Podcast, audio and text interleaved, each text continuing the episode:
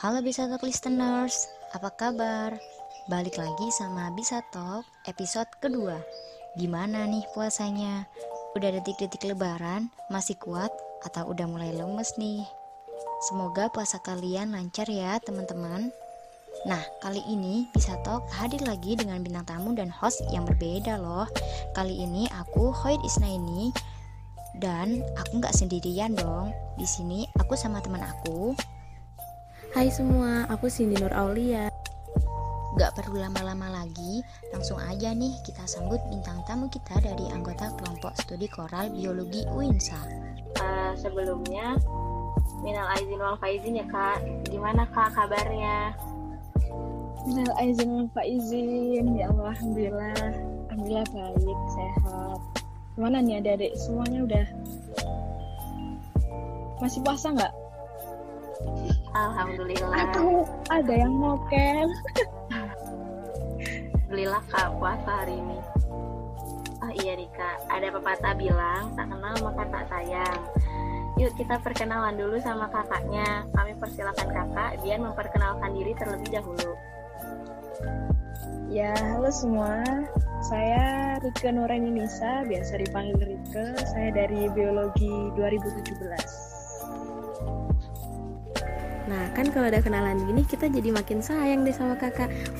kalau boleh tahu nih kak, kesibukan kakak sekarang apa ya kak?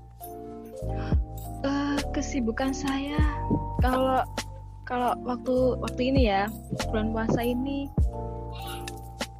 gak ngapa-ngapain sih. Kalau biasanya sih kalau ada waktu aku revisi ini skripsi. Soalnya kan aku habis habis sidang skripsi tanggal 16 kemarin. Oh alah gitu ya kak. Semangat kak skripsinya. Revisi skripsinya deh. Ya iya Hoyer tema kita hari ini tuh sebenarnya apa sih? Nah jadi, tema podcast kita hari ini tuh lautan bukan habitat sampah. Para listener pasti udah gak sabar kan ya? Oke Kak Rike, aku mau tanya, koral itu apa sih Kak? Listener kepo nih pasti. Koral itu ada singkatannya ya.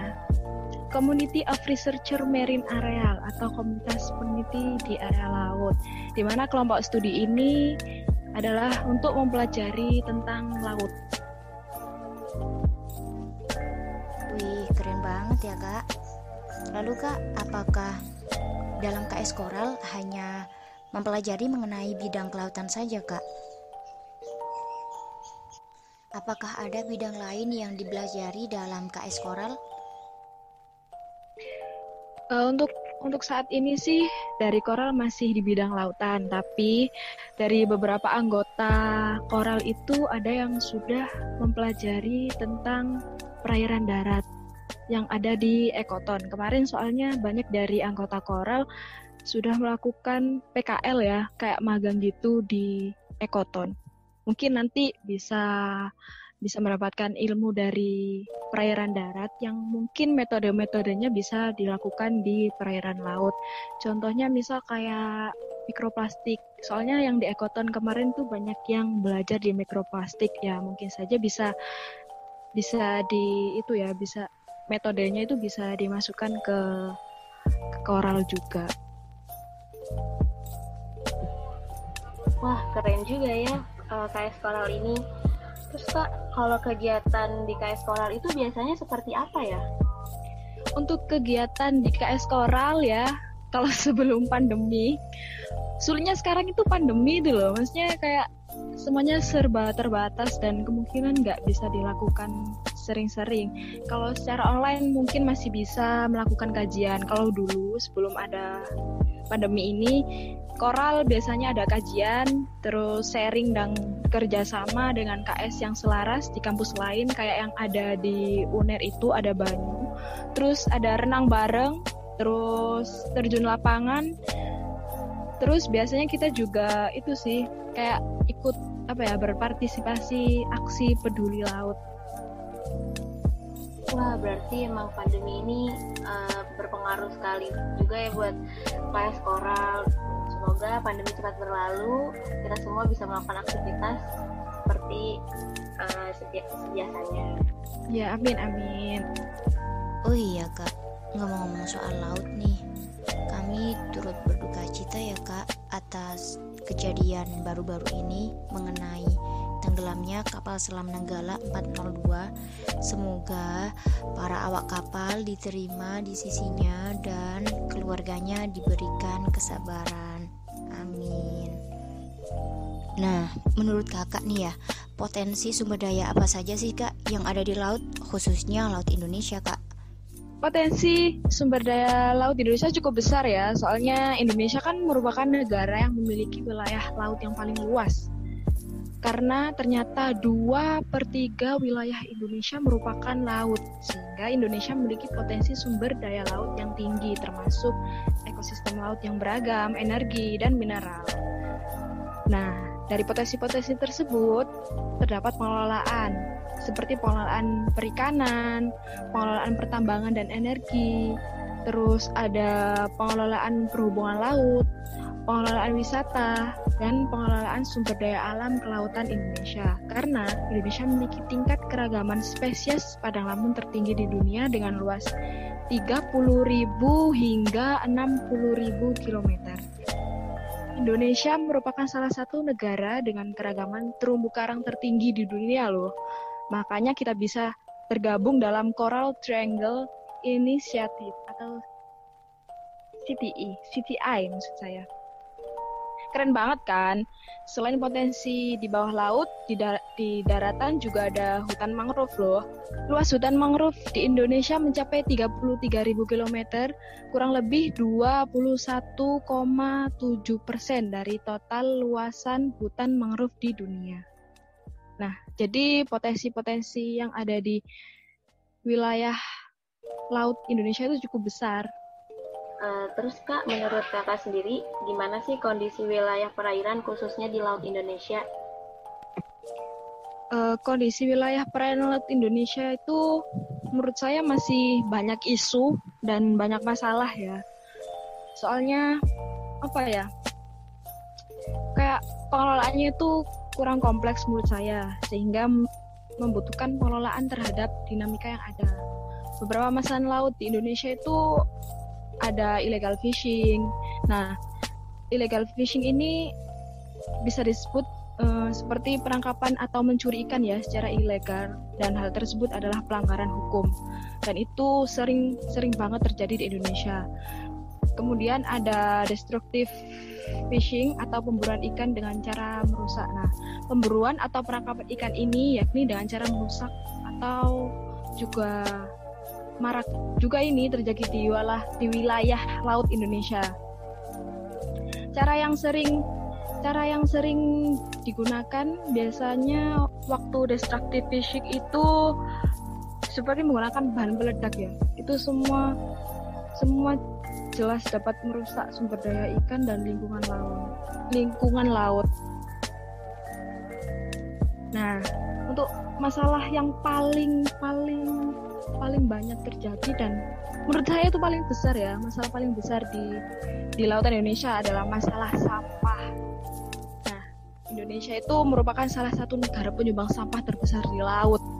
Nah, sampah ini dapat di, didapat maksudnya bisa kita dapati di lautnya itu pada semua habitat ya. Misalnya mulai kawasan-kawasan penduduk atau kawasan lokasi terpencil. Nah, mulai pesisir, terus kawasan air dangkal hingga palung-palung laut yang dalam itu pasti pasti terdapat sampah-sampah.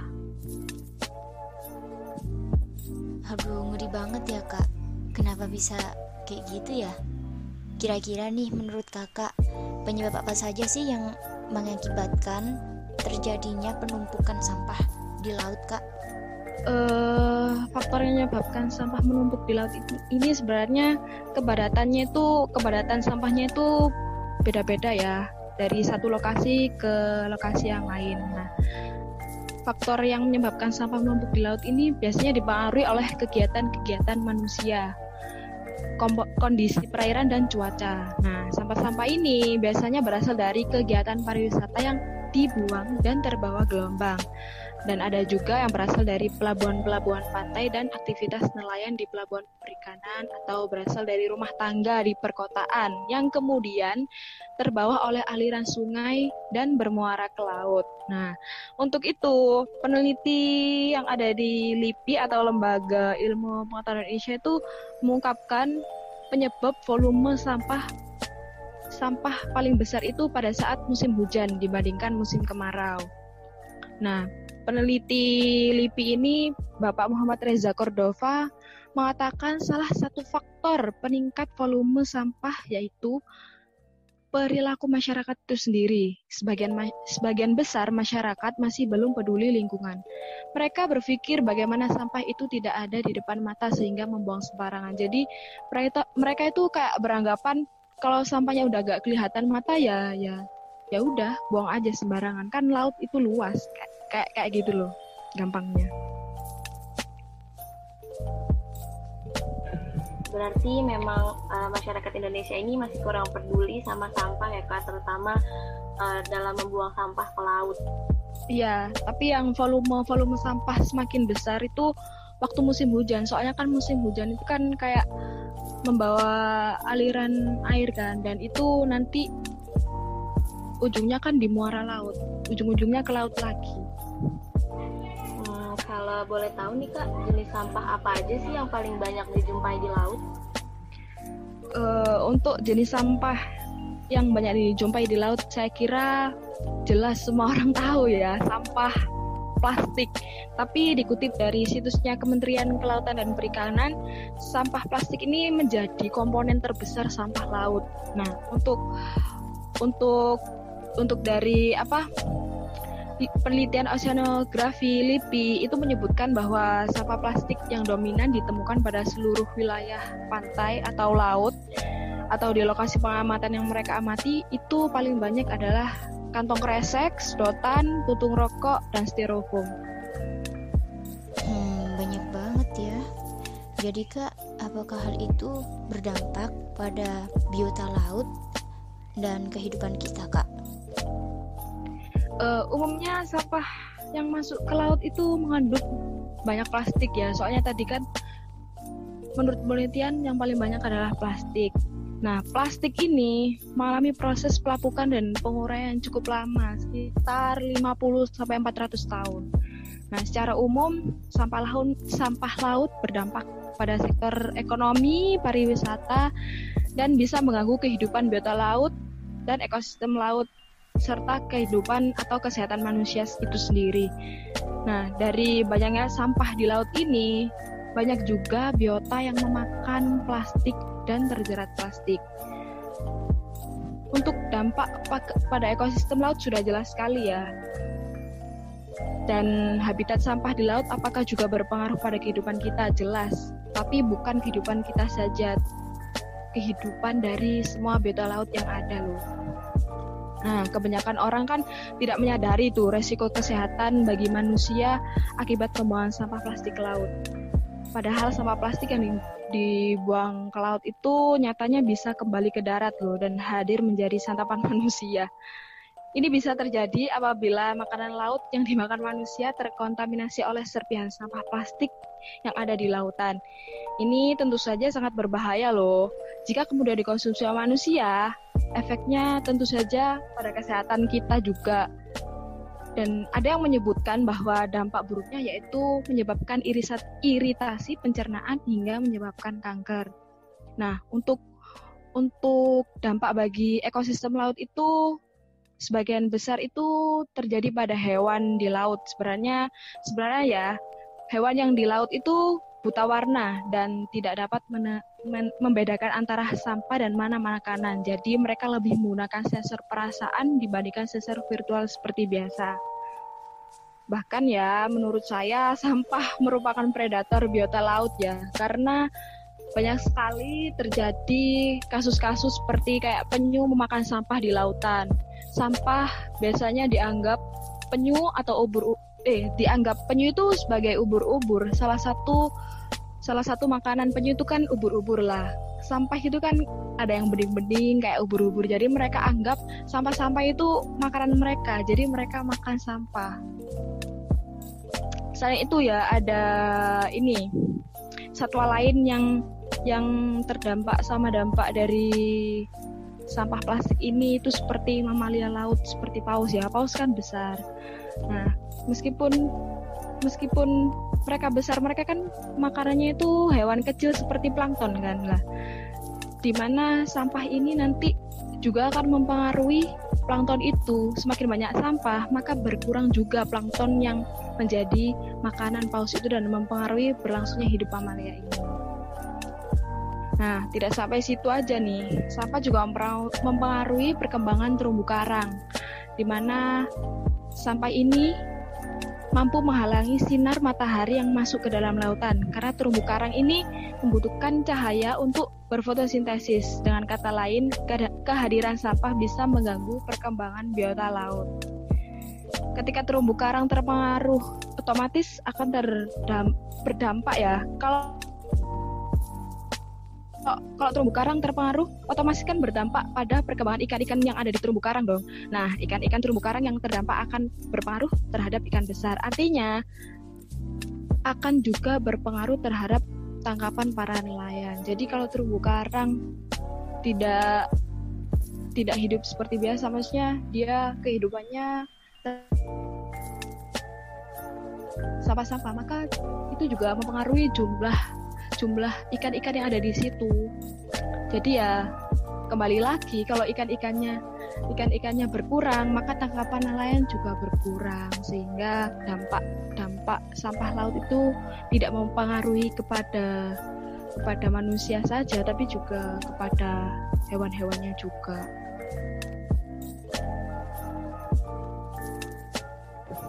Nah, tuh buat para listener yang masih suka pakai plastik atau masih suka buang sampah ke laut, yuk mulai sekarang kurangi penggunaan plastik dan juga mulai tingkatkan kesadaran bahwa membuang sampah ke laut itu suatu kesalahan yang fatal baik buat kita sendiri maupun biota-biota laut yang ada. Oh iya Nika. Betul banget. Kakak sendiri kan dari KS Koral nih.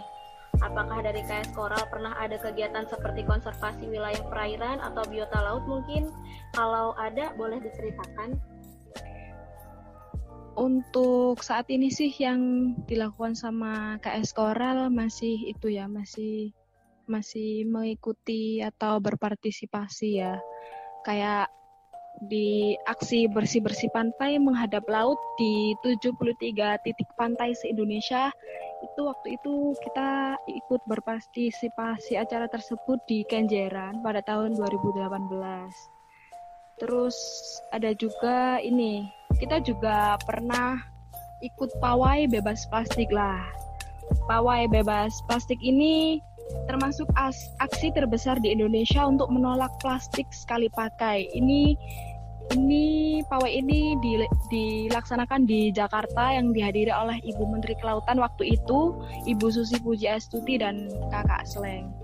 Itu waktu 2019.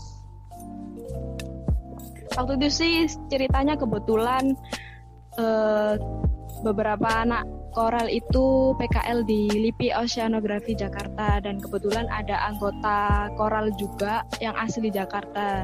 Waktu itu kita dikasih info, oh ini kak ada ada acara pawai bebas plastik, ada Ibu Susi Puja Susi sama Kakak Sleng. Weh, ini ini apa ya maksudnya kesempatan yang bagus gitu loh buat pengalaman kita di Jakarta kita juga pernah melakukan pawai bebas plastik kayak gitu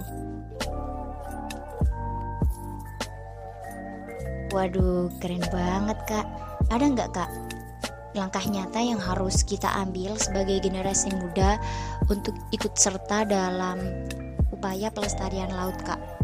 Uh, menurut saya kita sebagai sebagai generasi muda ya langkah yang nyata yang harus kita lakukan untuk melestarikan ekosistem laut itu kita harus melakukan kebiasaan-kebiasaan yang membantu melestarikan sumber daya laut. Kayak misalnya kita mengikuti pedoman kelestarian alam ketika Anda memiliki ikan untuk dimakan ya misal ya kalian milih ikan untuk dimakan maka kita harus lihat-lihat ya. Biasanya kan banyak nelayan tuh yang nangkep-nangkep hiu dan itu ada di pasar-pasar mungkin mereka jualnya kan juga ilegal. Kita seharusnya harus selektif ya. Jangan jangan oh aku pingin ini pingin ini. Ternyata ternyata kalian malah makan makan hiu misal. Itu kan hiu kan udah udah dilarang dilarang dilarang ya itu ilegal. Terus kita juga harus meminimalkan penggunaan kantong plastik dengan menggunakan tas yang dapat digunakan kembali untuk belanja lah. Ini ini masalahnya ini. Kalau anak-anak muda kan pasti kalau keluar masuk Alfamart atau Indomart, kita kan pasti dapat kantong plastik tuh. Nah, sebaiknya kita ganti dengan tas tas yang bisa digunakan berulang-ulang kali. Terus kita juga harus bisa ya cara mendaur ulang plastik dan produk-produk lainnya. Misal kayak membuat tas dari daur ulang plastik plastik itu kan banyak sekarang udah udah banyak yang melakukan kegiatan tersebut. Kemudian mendukung, mendukung upaya pemerintah untuk menetapkan wilayah laut yang dilindungi atau Marine Protected Areas (MPA). Terus bisa membantu lembaga swadaya masyarakat yang ditujukan untuk konservasi dan kelestarian laut dengan menyumbangkan waktu luangnya. Kayak seperti itu sih.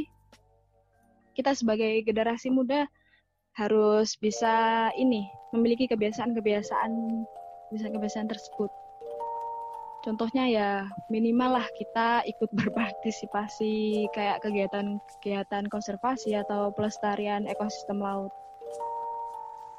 Asik juga ya kak. Jadi buat para listeners, mulai saat ini dan mulai detik ini juga kalian harus coba tuh tips dan trik yang udah dikasih Kak Rike sebagai cara untuk upaya melestarikan laut Indonesia khususnya. Karena kita tahu ya listeners dampak dari habitat sampah di laut itu sangat buruk sekali loh. Baik itu berdampak pada ekosistem laut maupun berdampak pada diri kita sendiri loh kita punya games namanya itu jawab cepat. Jadi kakak bisa menjawab ini tanya apa gamesnya ya. Nggak susah kok kak. Oke. Okay. yang pertama laboratorium atau lapangan? Lapangan. Makan bekal atau makan beli? Dua-duanya nggak bisa tak sepatu atau flat shoes? Sepatu. Kuliah online atau kuliah offline? Offline dong. Bedah jurnal atau observasi lapangan? Observasi lapangan.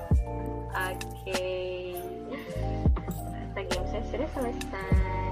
Ada nggak kesan ah apa uh, kesan pesan atau pesan untuk uh, anak muda yang masih suka buang sampah di laut atau masih menggunakan sampah plastik.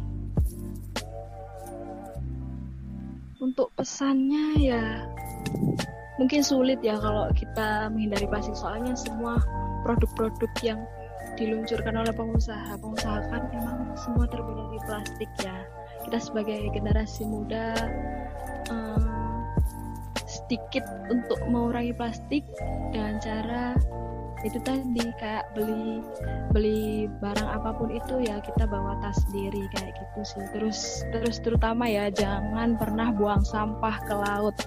Itu dampaknya bukan ke alam atau bumi kita tapi ke kita sendiri juga. E, kalau kata Bu Susi kan kalau kalau uh, nelayan asing atau kapal-kapal asing ke Indonesia kan harus ditenggelamkan. Wah, kalau ini kalau orang-orang yang masih buang buang sampah ke laut tenggelamkan aja. Bener banget kak. Ayo kita tenggelamkan orang-orang yang menyebabkan laut Indonesia penuh sampah. Uh, makasih sudah mau luangin waktunya buat kasih info-info tentang laut dan uh, semoga bermanfaat. Iya, sama-sama. Mohon maaf ya. Uh, kita sama-sama belajar. Mungkin penjelasannya kurang jelas atau masih belibet-belibet. Mohon maaf yang sebesar-besarnya. Iya kan, nggak apa-apa kak, santai aja. Uh, Oke, okay, kalau gitu kita pamit undur diri. Wassalamualaikum warahmatullahi wabarakatuh. Waalaikumsalam warahmatullahi wabarakatuh.